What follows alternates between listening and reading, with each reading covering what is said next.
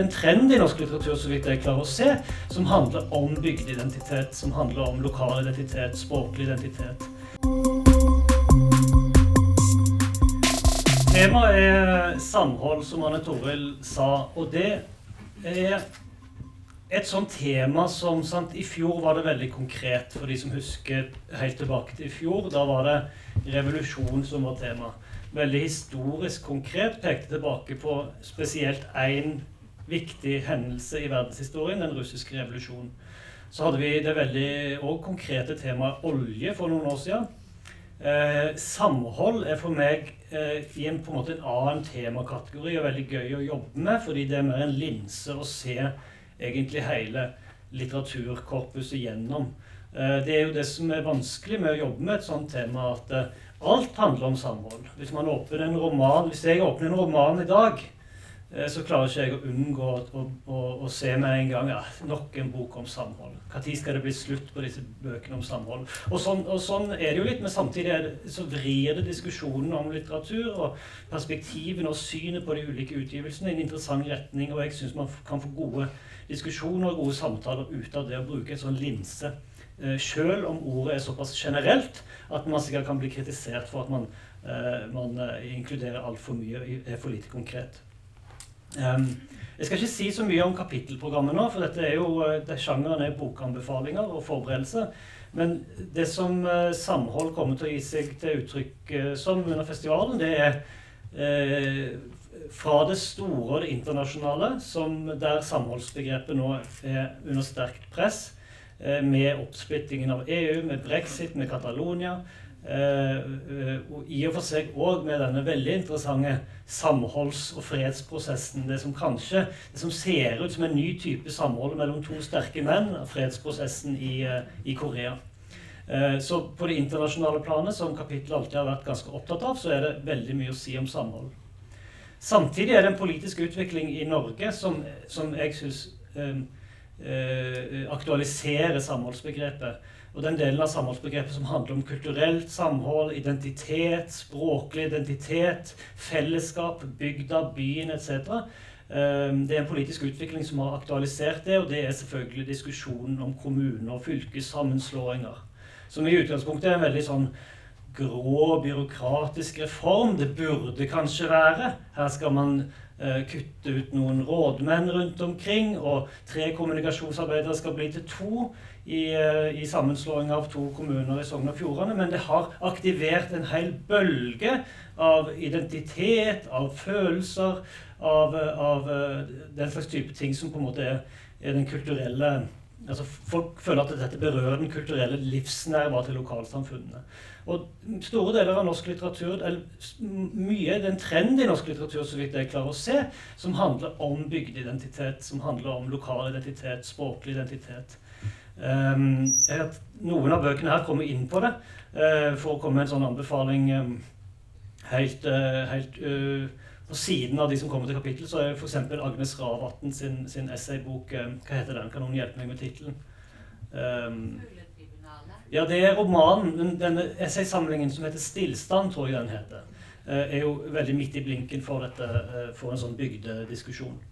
Eh, så det er en sånn bonusanbefaling. da. Samhold handler jo òg om, om, familie og vennskap. Og det er jo en, en måte tredje kategori av temaer som de bøkene som jeg kommer til å anbefale, og programmet under kapittel kommer til å komme inn på.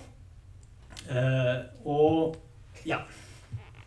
Og så har jeg lyst til å si og påpeke, og det er ikke fordi jeg eh, nødvendigvis tenker jeg skal gjøre så stort nummer ut av det, men det kommer nok til å bli lagt, lagt merke til. Og det er at eh, for, eh, i, i, anledning året så har vi skifta målform. Eh, kapittel i år, og det er en utfordring for eh, flere, og òg meg som har bokmål som hovedmål, hadde det på skolen. Men i år har vi skifta målform til nynorsk.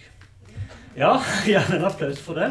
Eh, det er ikke sikkert det kommer til å være eh, sånn eh, videre, men jeg føler vi har vært for dårlige til det. Jeg syns vi er for dårlige til det i Stavanger, både i kulturlivet og i administrasjonen og ellers. Stavanger burde jo være en nynorsk by, hvis vi tenker oss om. sant? Så i hvert fall en gang kan vi prøve å øve oss på å, å skrive og kommunisere på den målformen. eh, gjennom det som er vår største, eh, i hvert fall mest konsentrerte litteraturarena i Stavanger. Omgitt som vi er av, av nynorsken eh, i, i, et nynorsk eh, fylke.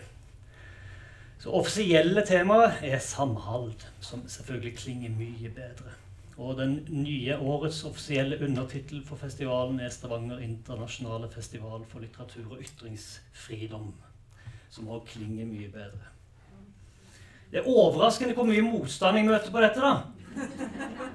Fra de rareste folk som man skulle tro har på en måte politiske og kulturelle forpliktelser til, til å forstå nynorskens rolle i den norske språk- og litteratur, eh, kult, eh, norske kultursfære.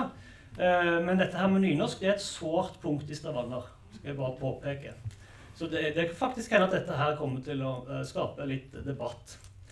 Men derfor, og ikke bare derfor, først og fremst fordi det er en god bok, så den første boka jeg kommer til å anbefale, det er Jan Inge Sørbø sin veldig ferske bok 'Nynorsk litteraturhistorie'. Eh, den utkommer i anledning av Det Norske Samlaget, som er den fremste institusjonen på nynorskfeltet i Norge, kan man vel si. Og eh, et av våre eldste forlag eh, er 150 år i år. Faktisk en tilfeldighet. Vi valgte temaet samhold før jeg hadde fått med meg det jubileet, men det virker som vi har planlagt det. Eh, når Samlaget fyller 150 år og feirer stort eh, det året vi har samhold eh, som tema. Boka er utgitt i den forbindelse. Um, og er først og fremst tenker jeg, et veldig sterkt forsvar for å ikke kutte sidemålsundervisningen. fordi det Jan Inge Sørbø, ved siden av å beskrive litteraturhistorien, den nynorske litteraturhistorien levende fra Ivar Aasen og fram, er jo at han viser fram den ekstremt sterke rekka av eh, etterkrigsforfatterskap, eller forfatterskap etter eh, kanskje 1960. Eh, av de, de, mest sentrale norske forfatterne som er nynorsk forfatterskap. Dette tenker vi jo ikke på til, til, vanlig, for dette er jo rett og slett bare god litteratur. Han kaller det hovedkapittelet om 1965 til 2015 det litterære underet. Og det syns jeg er en ganske treffende tittel, for den lista med navn som han da kan presentere fra denne epoken, er, er rett og slett uh, uten sidestykke. Jeg kan bare se på innholdsfortegnelsen, så er det liksom begynnende rekka med Einar Økland, du har Eldrid Lunden, du har Kjartan Fløgstad. Du har Edvard Hoem, du har Hans Sande, du har, du har Åse Marie Nesse. Helge Torvund, Lars Amund Våge, Ragnar Hovland, Jon Fosse, Karin Moe. Og så videre, og så videre, og så videre. Det er liksom ikke måte på eh, hvor mange av de sentrale forfatterskapene våre som er nynorsk forfatterskap. Og det, om noe, er selvfølgelig grunnen til at nynorsk har overlevd som målform i Norge. Det er disse forfatterskapene, det at det er en fantastisk del av den norske eh, litteraturhistorien som gjør at dette målet har overlevd og fremdeles er levende i dag. Um, det er en kjempeanbefalesverdig bok. Den, den, kan brukes som oppslagsverk. Um, fin masse bilder sortert etter perioder med ganske kortfatta introduksjoner til hver periode, og deretter en god del forfatterportretter. Uh, som er veldig sånn korte og liksom kokt ned til the basics. da.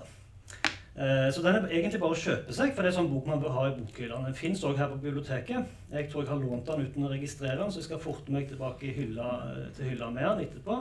Eh, men det er en sånn bok man da bør kjøpe. Ikke til forkleinelse for biblioteket. Eh, det var den første, Jan Inge Sørbø. Og jeg glemte å vise bilde av eh, Sørbø. da. Det skal jeg gjøre. Her er han. Der sitter han og, og, og smiler. Han jeg, kunne, jeg har, det Manuset mitt det hoppet jeg over nå, men, men, det er greit. Mange kjenner sikkert til Jan Inge Sørbø fra før. Han har bl.a. skrevet Eh, veldig sterke biografier om eh, Alfred Hauge, eh, Hans Skjærheim, og bl.a. en roman basert på livet til Alexander Kielland. Og det er diverse ting. Han er jo en ekstremt aktiv forfatter. Og så, eh, og så kommer det til å være litt sånn bare advar om at det er litt rotete. Jeg, jeg er ikke bombesikker på om jeg fikk sortert anbefalingene i en sånn logisk rekkefølge. Men, men eh, hvis dere prøver bare å følge meg, eller bare ta det som det er, da, Eh, så er det neste i hvert fall òg et nynorsk forfatterskap som jeg har lyst til å anbefale. Eh, Marit Eikemo, som sikkert flere har lest før. Er det mange som har lest hennes tidligere romaner? noen i hvert fall. Da er det, da er det på en måte potensial i, i, i gruppa her til å, til å, lære et nytt forfatterskap å kjenne. Eh, jeg syns i hvert fall du skriver sterke bøker, og den siste boka eh, handler om noe som er eh, som er på en måte et slags grunnleggende eh, et, et, grunnleggende norsk topos omtrent, nemlig det å kjøpe bolig. Som jo etter hvert har blitt liksom det vi omtrent driver med. Det grunnleggende livet vårt. Viktigere enn ja, viktigere enn kjærligheten. sant? Det, det, å kjøpe bolig og gå på visning og, og, forholde seg til det, og husprisene som går opp og ned, og alt dette. og Det, det er utgangspunktet for, for, boka, som heter 'Gratis og uforpliktende verdivurdering', som jo er det som megleren gir deg. Megleren sier han kan gi deg en gratis og uforpliktende verdivurdering. Eh, det handler òg om noe som eh, jeg tror mange kan kjenne seg inn i. og jeg håper å si kanskje spesielt, eh, nå, nå, nå, vet jeg ikke gjennomsnittsalderen her i dag, men kanskje spesielt den litt yngre generasjonen og meg sjøl. Nemlig at denne drømmen om, om boligen er veldig ofte kobla til drømmen om det perfekte liv. Og det er en sånn grunnleggende eh, eh, tone i boka. Hovedpersonen vil så gjerne ha et perfekt liv med sin familie og sin mann og sine barn. og, og og sammenligner selvfølgelig, selvfølgelig med, med, med, mange andre. Eh, eh, og, og, hva hus de har, etc. Men så etter hvert i boka så viser det seg jo at det, en, eh, at det egentlig strengt tatt handler om de, et svik og en hemmelighet som kommer opp i forbindelse med denne prosessen rundt dette huset de vurderer å kjøpe. Um, så det er òg en Jeg skal ikke si så mye om det, for det er faktisk litt spennende. Men det er en anbefalesverdig bok om boligkjøp og det perfekte liv, og om svik og hemmeligheter, for å si det på en sånn reklameaktig måte. Det var Marit Eikemo. Um, hun var her for et par år siden, så noen har kanskje møtt henne på festivalen før. Og så, Det er en viss logikk i rekkefølgen, for det neste jeg tenkte nevne, det er Janne uh, Stigen Drangsholt, som har blitt etter hvert en ganske um, Er det mange som har lest hennes bøker om Ingrid Winther? Ja, enda litt flere kanskje enn Marit Eikemo. Uh, uh, jeg satt, i, satt, han etter Marit Eikemo her fordi at jeg, blander de bøkene litt. De handler om sånn litt det samme. Her òg er det en hovedperson som gjerne vil ha et perfekt liv, men så har hun egentlig et forferdelig rotete liv. Og det, i denne boka som jeg har tatt opp på skjermen, da, så er det oppussingsprosjekt og noen perfekte naboer som er fryktelig irriterende etc. hvis ikke dere har lest den, så er det eh, kanskje på tide nå i sommer. Det er jo perfekt sommerlektyre. Veldig morsomt, bare veldig sånn finurlig og kjekt og, og, og, alt det der. Og det kommer en ny bok til høsten. Og det er liksom grunnen da, til at jeg anbefaler dette nå. Det er jo ikke sånn at man må lese nummer én, som heter Ingrid Winther eh, Den har jo en veldig sånn flott, fengende tittel. Hjelp meg. Den første Ingrid Winther-boka. Glem det. Dette er nummer to, nemlig. Man trenger ikke lese. Det er ikke sånn føljetong. Um, selv om Ingrid Winther er hovedperson i alle. Uh, men det er jo, det er jo uh, uh, morsomt å komme inn i, i tonen og ha lest denne her uh, f.eks. før man eventuelt leser den nye som kommer til høsten. Og I den nye boka så har en litteraturfestival som heter Kapittel, en ikke ubetydelig rolle, sier forlaget. Så jeg gleder meg litt ekstra, da. Jeg, eller gruer, gruer, meg kanskje litt ekstra til å, til å lese den nye boka om Ingrid Winther. Eh, der hun skal i gang med et samarbeidsprosjekt. Der Universitetet skal samarbeide med Kapittelfestivalen, og det går selvfølgelig ikke helt uh, bra. Uh, så vi får se. Jeg tenkte jeg skal lese den først, og så um, For at jeg, så at jeg har sikra meg at jeg kan forsvare meg, da, så har jeg sagt at jeg gjerne vil gjøre det sceneintervjuet sjøl med Janne Stigen Drangsholt under kapittel. Så det er den. Fine, fint bilde der, og bilde av eh, bokcoveret. Og så den. Der har jeg faktisk ikke bokcoveret med, men boka er her. Eh, og der, Nå er vi inne på litt det som jeg var inne på med bygde, bygda og eh, Eller bygda og bygda, men eh, stedsidentitet, kommunesammenslåing. Bare med selve tittelen på Erlend Nødtvedt sin bok, 'Vestlandet', så er han jo midt inni på en måte si, den mest betente grensestriden vi har hatt i vårt lokalsamfunn de siste eh, 50 åra. Som er, som er da, ideen om Vestlandet. Um, nå har det blitt Vestland, og vi består, men boka er fremdeles like aktuell. Den kom ut i fjor. Erlend Nødtvedt var her på Kapittelfestivalen og leste en sånn en førpremiere fra boka.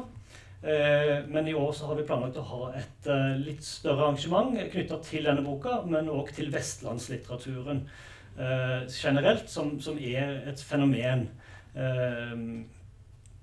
Eh, det er veldig mange sterke forfatterskap eh, som er basert på Vestlandet, og som òg eh, beskriver det spesifikt vestlandske gjennom sine bøker. Dette er en roadtrip, rett og slett. En, en, en veiroman, en, en, reiseroman der det er to det er to galninger holdt jeg på si, som legger ut på en, en, reise i den dramatiske naturen på Vestlandet i fotsporene til Anders Lysne, som var bondeopprører og veibygger fra Lærdal, og som ble halshugd i Bergen i 1803. Så det er utgangspunktet eh, for det som er en ekstremt tiltalende, morsom og finurlig bok. Og så òg perfekt sommerlektyre, rett og slett. Noen har kanskje lest den. Den har jo vært ute på markedet en stund. Eh, den er mulig å få tak i på biblioteket. Så populær har den ikke vært. Men det er, det er på en måte velkjent Erlend Nødtvedt, som er hovedsakelig kjent for, som lyriker. Dette er jo hans første roman, eh, og jeg vil si eh, på et vis det mest lesverdige han har, han har begått. da. Boka 'Vestlandet'. Så det er rett og slett et bra tips. Nå hopper jeg litt. Nå er ikke logikken like sånn Jo, kanskje jeg skal finne en overgang her òg. Lene Andersson er det mange som kjenner. Eh, hun har vært her i Stavanger før og er jo kanskje mest kjent i, um, i, uh, i i Norge for den forrige romanen, for det er vel kanskje den eneste som er oversatt til nå, som heter 'Rettsstridig eh, forføyning', en roman om kjærlighet som kom i 2013. Eh, den boka eh, som, som eh, har kommet på svensk nå, og som kommer på norsk til høsten, den heter 'Sveas sønn' og har eh, undertittelen 'En berettelse om folkhemmet'. Um, og uh, Folkhemmet, for de som ikke vet det, det kjenner dere sikkert til, men det er altså det godt og vel det svenske, veldig spesifikt svenske begrepet for den politiske utviklingen av det som har blitt det svenske velferdssamfunnet. Selvfølgelig ganske parallelt til det norske velferdssamfunnet. Um, uh, uh, jeg liker jo ofte best å lese bøker på svensk og dansk, og jeg anbefaler jo egentlig det, selv om Eh, jeg ikke har noe imot at noen av dere venter på oversettelsen, men hvis noen har lyst til å få en tjuvstart, så går det an å plukke opp eh, tror faktisk ikke her på Stavanger bibliotek, men det må vi få gjort noe med. Eh, enten en fra svenske, men fra velassorterte nettbokhandler, eller etter hvert når jeg har sagt fra til Mette på Stavanger bibliotek at denne svenske utgivelsen kommer. da. Um, Uh, jeg skal ikke si så mye om den av den enkle grunn at jeg kanskje har lest boka sjøl. Men, uh, men, den er bygd mot, uh, på bakgrunn av da Hun sier sjøl Jeg skal lese et sitat som, som Og nå må vi konsentrere oss, for det er jo på svensk, dette her. Men det, motivasjonen hennes for å skrive boka det er at jeg ville skrive en bok om en menneske av det slag som gjorde folkhemmet mulig som forkroppsligade det, trodde på det, tok ansvar for det. Som forsvaret dets rettlinjighet og innriktning, likriktning, for å løfte menneskene ur dets mørker. Så det er altså en bok om det sosialdemokratiske mennesket, og hva som eh, særpreger det. Det er på en måte spesifikt og kanskje perfekte sosialdemokratiske mennesket. Eh, og det er da Ragnar eh, som er hovedpersonen i Sveason. Så det var den. En, eh, en utlending eh, der. Eh, og her er nok en av utlendingene som kommer til festivalen. Her får man anledning både til å lese seg opp i sommer, men også til å øve på navnet. Alain Mabankou, som er fransk-kongoleser, oppvokst i i Republikken Kongo, født der i 1966. Og nå, selv om han ikke er veldig kjent i Norge, er en av de helt sentrale franskspråklige forfatterskapene i dag. Eh, og sannsynligvis en, på sikt en nobelpriskandidat hvis han fortsetter å skrive såpass sterke bøker eh, som han eh, gjør. jeg la merke til han i denne samholdssettingen, litt fordi jeg tenkte på dette med språklig identitet etc. Hva kan vi gjøre ut av det og internasjonalt? Og så kom vi over en debatt der Alain Mabanco har involvert seg som en sterk kritiker av den nye satsingen til Macron på frankofonien, som er begrepet for samlingen, altså på en måte for alle de franskspråklige landene i verden. Og Macron har en ny satsing, bl.a. har han ansatt forfatteren Leila Slimani, som kommer på norsk til neste år. Eh, til å være en slags diplomat for det franske språk i verden. Og til å samle identitetsmessig de fransktalende landene i Afrika og andre steder. Eh, og det mener Alain Mabanko er rett og slett eh, god gammeldags imperialisme. Har kritisert det sterkt. da. Men det er en dis interessant diskusjon under det, om, som er på siden av litteraturen hans, om samhold og om språklig identitet. Um, dette boka er den eneste jeg har lest av han. Det finnes flere tilgjengelig på norsk utgitt på Bokvennen. Um, den står der. Det heter Black Bazaar. Um, og det som jeg syns er kanskje det stiligste med boka, er miljøet. De, de liksom uh, ganske burleske miljøskildringene fra et miljø som jeg uh, jo Ja, som jeg ikke kjenner til. Altså, det er en kongoleser som heter Jeg må finne navnet på hovedpersonen. Uh,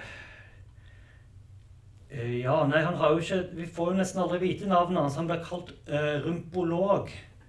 Det, og det mener da, ja, det er litt sånn nedsettende navn, og det karakteriserer litt sånn det, både blandinger av det halvrasistiske, fordommer, karikaturer eh, i miljøskildringen og i personportretten. Det er liksom det som er synes jeg, morsomt med denne boka.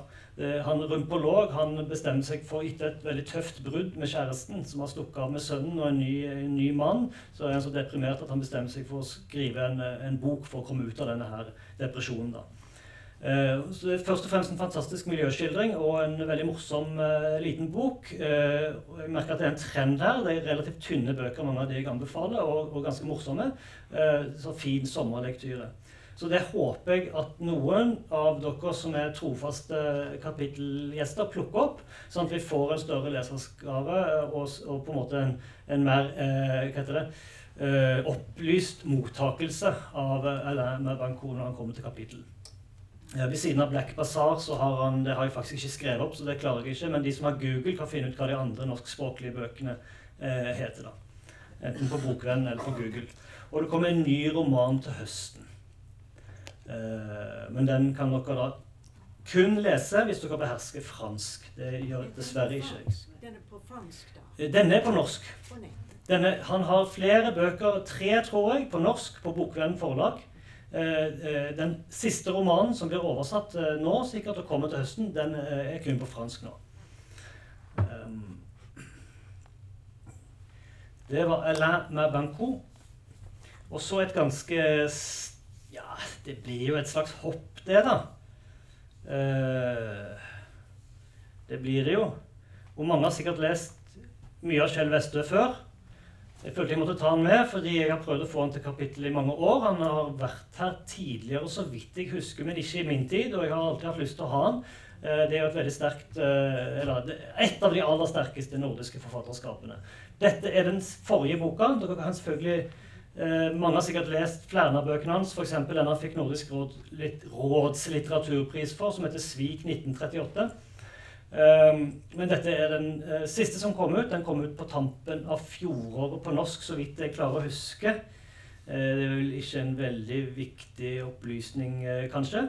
Det Miljøet er 1960 han, han, er jo kjent for å skrive på en måte det som blir eh, Som man gjerne kan kalle historiske romaner. Eh, og, og en grunn til at han eh, var en bra gjest å få i år, er jo at 1918, altså det som er nå 100 år siden, var et ekstremt viktig år i finsk historie. Det var den finske borgerkrigen og stiftelsen av den finske republikken, som er temaer som stadig vekk dukker opp som liksom grunntemaer i, i Vestø sine bøker. da. Denne boka, den, den, siste, er lagt til 1960- og 70-årene i Helsingfors og er en tidsskildring, da, som alle bøkene hans er, om familie og, og vennskap, og går liksom inn i den eh, bagen. Falt jeg ut? Jeg falt ut? Hallo? Hallo?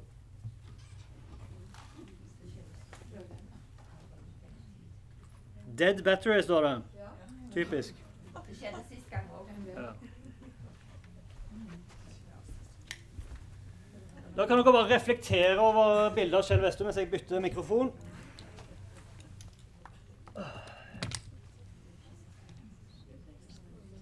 Hallo?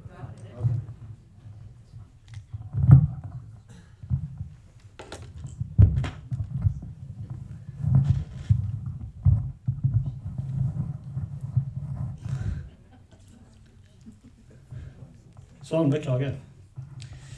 Ja Hvor var jeg, holdt jeg på å si? Um, jo, det var jo da å anbefale denne boka 'Den svovelgule himmelen', som er lagt til 1960- og 70-tallet, og som da sånn basically handler om um, en ung gutt som har sommerhytte, en ganske sånn uh, beskjeden, enkel sommerhytte, i nærheten av en rik familie som heter Rebellfamilien. Han ble, han ble kjent med da sønnen i huset Alex, eller Aksel, og, og blir etter hvert eh, romantisk engasjert da, med dattera i eh, denne rebellfamilien som heter Stella.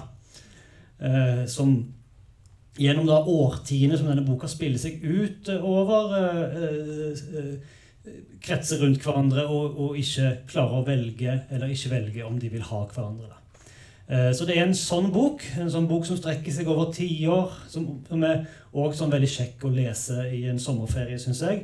Um, um, fordi man, det er sånne bøker man liksom I motsetning til 'Vestlandet', f.eks., som er en sånn bok som jeg tenker egentlig maks to dager, og kanskje, kanskje lese den på én dag, og så le litt og sånn, så er dette sånn bok som man kan komme langt inn i å føle at man er der og litt sånn. sant? Det er litt deilig å lese sånne bøker òg om sommeren. Uh, og så håper jeg man gleder seg til at Kjell Westø endelig kommer til kapitlet. Det er jo et veldig bra forfatterportrett der. Så En annen som har et bra forfatterportrett eh, når vi er inne på familie, og sånn, er Nils Fredrik Dahl, som heller ikke har vært her i hvert fall på mange år. og Det er jo en håper å si en, eh, en, eh, en, en forglemmelse. For han har jo etter hvert blitt en, en bauta omtrent i norsk litteratur med, med veldig mange sterke utgivelser etter debuten, debuten i 1997 med romanen som heter 'Journalisten'. Eh, dette er eh, antageligvis en av de eh, i hvert fall det som Rune Kristiansen, som sitter i kapittelprogramrådet, som mange sikkert også kjenner til, opptales som en av de aller beste bøkene de siste årene. Og den er fantastisk eh, poetisk og flott i språkføringa, og med et, med et liksom rørende utgangspunkt. Det er fortelleren eh, som er ganske nær med forfatteren, da, uten at det står noe sted. Det er jo en roman, men, men uh, fortelleren uh, åpner en dagboka etter sin mor mange år etter hun døde. Uh, og de hadde ikke et veldig sånn nært forhold, så han har kvia seg for å åpne den dagboka. Eh, men, eh, men, når han først gjør det, så, så, er, så, er, denne boka resultatet der han lager et, eh, et veldig intimt og nært eh, morsportrett. Eh, og gjennom det òg et portrett av eh, seg sjøl.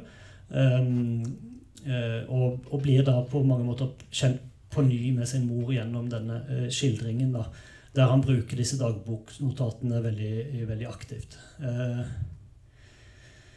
så det er absolutt anbefalesverdig òg. Og så gjør vi et hopp da, til Danmark. Eh, og denne fins allerede på norsk. Uh, eller denne fins eh, omsider på norsk, var det jeg mente å si. For den kom ut i 2013. Den er skrevet av det som etter hvert er et, en, et slags litterært fenomen. En, eh, de kaller en sånn literary superstar, som de sier på dansk, i, i Danmark. Kasper Colling Nilsen. Eh, kanskje mest fordi han ser ut som en superstjerne der han sitter. Eh, han har skrevet eh, flere bøker som har fått, blitt veldig mye diskutert i Danmark som på en måte det nye, et nytt, stort forfatterskap. Dette er den første boka på norsk og handler om den danske borgerkrig i 2018 2024. Og det er, som Sindre Hovdenak i VG gir han en sekser for, en briljant skrevet roman. Fordi utgangspunktet her er er at det er en borgerkrig i Danmark som varer i seks år, fra 2018 til 2024. Dette er selvfølgelig kontrafaktisk historieskriving. Eh, det, det har ennå ikke brutt ut en borgerkrig i Danmark. Eh, og perspektivet, historien om denne borgerkrigen blir fortalt fra, er 450 år fram i tid av en 400 år gammel mann som snakker og forteller denne historien til sin, eh, sin 350 år gamle hund Joff, som har fått bevissthet og, og, og evne til selvrefleksjon. Eh, han har da blitt med i et stamcelleprogram rett etter denne krigen, eh, som gjør at han får tilnærmet evig liv. Og husker tilbake da og forteller, skriver en, en historisk og personlig beretning om om den danske borgerkrigen og valg han angrer på etc. Eh, eh, som en del av motstandsrørsla eh, under den eh, danske borgerkrigen.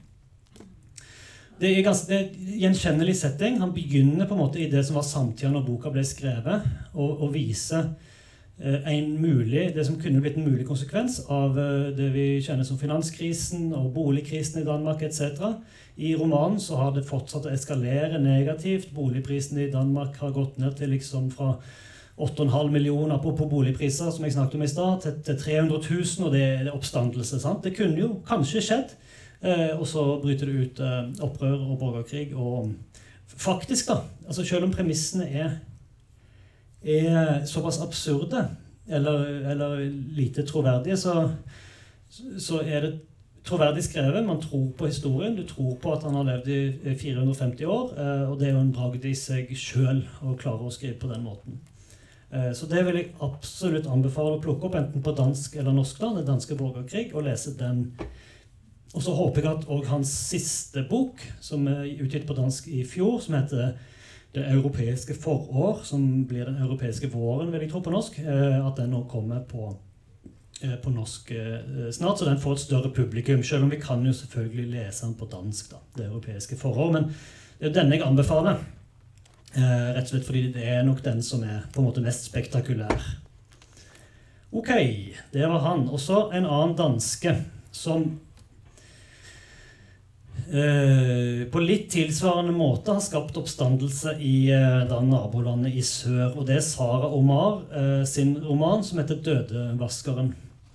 Um, jeg vet ikke om jeg vil anbefale den for, liksom de, for ekstreme litterære kvaliteter nødvendigvis. Det er, en, det er på, på, på, det jevne sånn litterært. Uh, men det er, en, um, det er en bok som går midt inn i en samtidig debatt om, om kultur og uh, kulturtrekk som er mindre verdifulle etc. Om, om, om uh, om den type debatt om religion og, og, og kultur som, eh, som preger uh, norsk og skandinavisk eh, politisk debatt de siste åra. Eh, forfatteren Sara Omar er, eh, er dansk-kurdisk og har bodd i Danmark siden 2001. Og født i Kurdistan, men eh, flykta da til Danmark pga. krig, sånn som så mange har gjort. Hun er en aktivist med kvinneorganisasjoner og, etc., og dette er hennes første roman. Som da på overflaten eh, Det er en roman, ikke en eh, selvbiografi, selv om det måte, av, av, mange blir oppfatta som ganske nært hennes liv. Eh, men det er Det er eh, en eh, eh, Hovedpersonen er en kurdisk flyktning som, heter, som, er innlagt med skader på kropp og sinn etter, etter vold i familien. Eh, og som, eh, som hvis liv vi da følger fra hun vokser opp i, i Kurdistan hos besteforeldrene sine. Og Tittelen til boka 'Dødevaskeren' det kommer av at bestemora er ei som tar på seg å vaske de døde kroppene til de som har vært utsatt for æresdrap. Eh, og dermed mista all, eh, all, ære da, i denne kulturen som hun beskriver. Eh, men, men eh, bestemora til hovedpersonen tar på seg å gi disse en verdig avslutning gjennom å vaske eh, kroppen. da. Um, så det er jo for de som har lyst å si, Jeg vet ikke hva kveld jeg vil anbefale å lese denne boka. Den er ganske grusom. Um, æresvold og eksplisitte skildringer av, av, av, av vold og, og, drap, rett og slett. Um, så håper å si kanskje for de spesielt interesserte som sommerlesning, men, men en viktig bok, og, og som har prega debatten, i hvert fall i, i Danmark det siste. 1238, ja. Jeg eh, kom til Gert Mak, som har vært her før. Så det var jo et uoriginalt valg å invitere igjen. Men når vi snakker om samhold, så er Gert Mak en, eh, en, en eh, veldig sterk forsvarer av det europeiske samholdet. Han er veldig bekymra for hva som skjer med det nå, og har et stort nytt prosjekt om Europa eh, som han jobber med. Altså om Europa i dag, og om hva som skjer med EU Europa, samholdet, brexit, fremmedfiendtlighet, splittelsen mellom øst og vest etc. Eh, som er et eh, kjempestort eh, både politisk og identitetsmessig og kulturelt spørsmål, spørsmålet om Europa. Um, Eh, mange kjenner sikkert til Kreftmakeren. Har jo vært på TV òg eh, med denne Europaserien og med en USA USA-føljetong. Eh, dette er den utgivelsen som jeg vil anbefale i anledning temaet samhold, å lese igjen denne eh, flotte reiseskildringshistorieboka som heter 'Europa en reise gjennom det 20. århundre'. Så for de som ikke har lest den, så er det òg sånn Altså, det er rett og slett veldig god sommerlesning. Det er ikke så mye mer å si om det. Det er 100 år. Eh, 1900 til år 2000. Og i utgangspunktet basert på at Rertmark ble sendt ut som eh, reporter for sin avis, da, men som har blitt en, en veldig mye lest og mye oversatt bok. Ja eh, Jeg ligger ganske godt an. Men så er det en liten teaser, og det sto i avisa her om dagen. Um, uh, og dette er ikke en bokanbefaling, men av og til trenger man noe annet enn bøker, og det er uh, Tønes. Uh, som sikkert mange har um, et forhold til etter hvert. Jeg har lyst til å anbefale Ja, grunnen til at jeg sier det er en liten teaser, det er at han kommer med roman til høsten. Etter nå åtte album og utallige konserter etter hvert nasjonal berømthet, så kommer Frank Tønnesen med eh, sin første roman på Pelikan forlag. Det gleder vi oss veldig til. Jeg vet ikke så mye om hva den romanen handler om, etc., men det de forteller da, på forlaget, er at det er et gjenkjennelig univers fra hans finurlige tekster. Og min, mitt favorittalbum, eller det vet jeg ikke, men det albumet som har prega min eh, altså Som jeg oppdaget først av Tønes, det er det, det albumet som dere ser eh, coveret til her, som heter Eh, Goodbye eh, heter vel albumet. ja, Goodbye heter albumet. Og det fins sannsynligvis å låne på musikkbiblioteket. ikke sikker, Eller så fins det på Spotify, og det går an å kjøpe CD-en og alt mulig.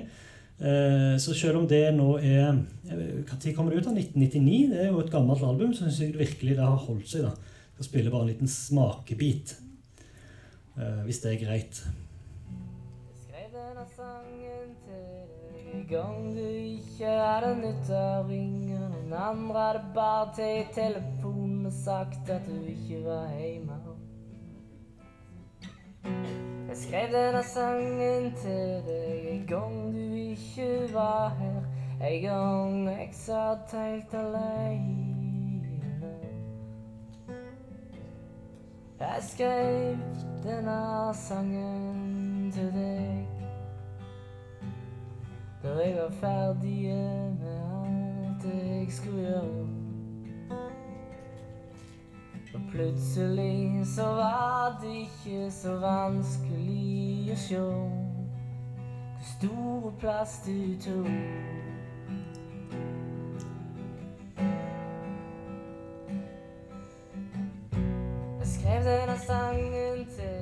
Ja, det skulle bare være en smakebit. Men jeg får helt sånn uh, det handler kanskje om at det er litt sånn fra min ungdom, eh, hva man skal si, men jeg helt, uh, blir helt rørt når jeg hører denne litt sånn gamle musikken. Så hør på det albumet, 'Goodbye', og så kan dere lese romanen til Frank uh, uh, til høsten. Det blir veldig gøy.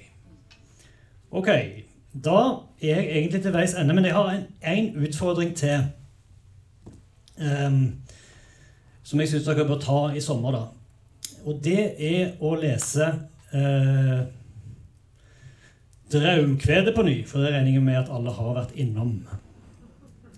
Eh, vi skal vise et stykke, en monolog som jeg ikke har sett sjøl, men som kommer veldig høyt anbefalt. Det er gjerne sånn det må bli med sånne stykker som ikke spilles så ofte.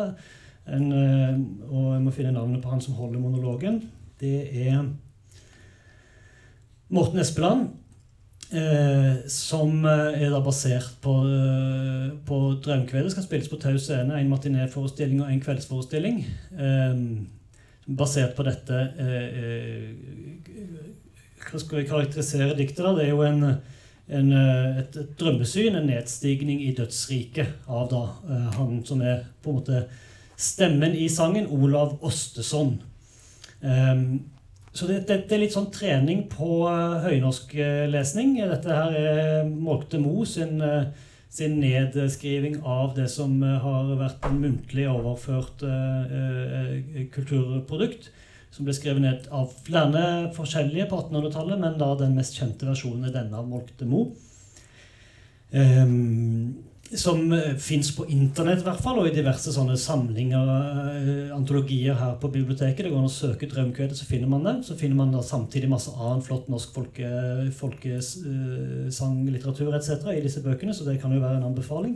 Men i hvert fall da å søke opp og, og lese og forsøke å Eh, og, og, og, forstå da hva som står i dette drømkvedet, før man går på monologen til Morten Espeland eh, torsdagen under kapittelet. Um, Vi med lye er kvea kan om einkvann nytan drengen, alt om en Olav Osteson, som heve sovi så lenge. Han la seg ned om julaftan, sterkan svevnen fikk, vakna ski fyr om trettande dagen da folket og kyrkan gikk.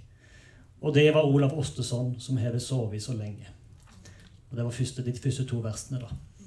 Um, så det var strengt tatt min siste anbefaling, altså. Det var det. Hvis noen liksom syntes det ikke var nok, så tok jeg med to sånne bonusbøker her. Um, Eh, det fins en bok som heter 'Vi kan godt kysse', som er ti år gammel, av Jan Mari Grydeland. Den får en oppfølger nå. 'Vi kan godt få barn'. Eh, på å si endelig. Siden vi er i Stavanger, så anbefaler jeg den. Eh, og så er det en bekreftelse, en gjest som bekrefter at hun kommer i dag. sannsynligvis sammen med Morten Traavik, som var her i fjor, for å snakke om, om, om Nord-Korea. for det er jo vi vet jo ikke hva som skjer der fram til september, men det må jo fremdeles være høyt aktuelt å, å få en debatt om. Så Sunn Heidi Sæbø har skrevet denne skyggeportrettet av Kim Jong-un, som kom ut eh, nå i år.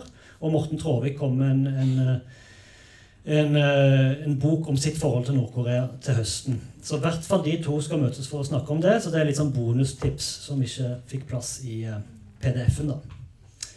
Eh, og ellers, så på eh, eh kapittel.no Burde hatt adressen her nå, men der ligger det i hvert fall 29 eh, Ikke 29 andre, for en del av de ligger jo ute der, men en liste med 29 av de forfatterne som kommer til kapittel. Og før jeg drar på ferie, sånn eh, kanskje 1. juli, sånn rundt der, så kommer vi til å slippe enda litt mer. Og så slippes programmet Tradisjonen tro i sin helhet en ca. fire-fem uker før, da. Eh, jeg trenger litt tid til å skrive det, spesielt når jeg i år skal skrive alt på nynorsk. Um, så det var egentlig det. Det er lov å stille spørsmål, men jeg syns egentlig jeg har utført oppdrag og gitt en del bokanbefalinger. Ja?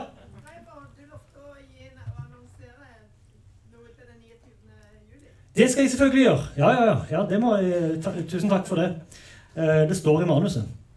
Men Var det andre på en måte uh, faglige spørsmål om, dette, om disse bøkene først? Så, så det ut som greie bøker. Kan jeg få en stemningsrapport? Ok, kjempebra. Um, da, før jeg går fra scenen, så skal jeg eh, eh, fortelle om et arrangement som kommer da som en sånn tjuvstart på, på sesongen eh, i høst. Den 29. august eh, i denne salen klokka 12.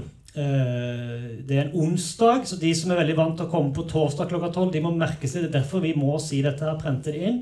De må komme da onsdag 29. august klokka 12 til denne salen. Det er jo et fantastisk arrangement som det kommer til å bli eh, sjåka fullt på det. Det er nemlig Robert Mood og Sven Egil Omdal eh, som skal holde eh, eh to forskjellige foredrag. Eh, Robert Mood skal holde foredraget innlegget 'Hvorfor går vi til krig?' Og Svenne Egil Omdal skal snakke om sannhetens kår i politikk og journalistikk. Og konteksten er eh, markeringen av Kvekersamfunnets 200-årsjubileum, som da arrangeres her i samarbeid med Sølvberget. Og når jeg sier det blir fullt, så har dere en måte å, å avhjelpe det på. Det har vært tidlig ute med å bestille billetter når de blir lagt ut på nettsidene til Sølvberget i neste uke. Så da er det den. Det er 29. august. Og så fortalte Anne Toril om den første bokpraten i høst, som er den 6. september, om jeg ikke husker feil. Og så er det kapittel 19. til 23. september. Er det bra? Ok. Tusen takk for meg.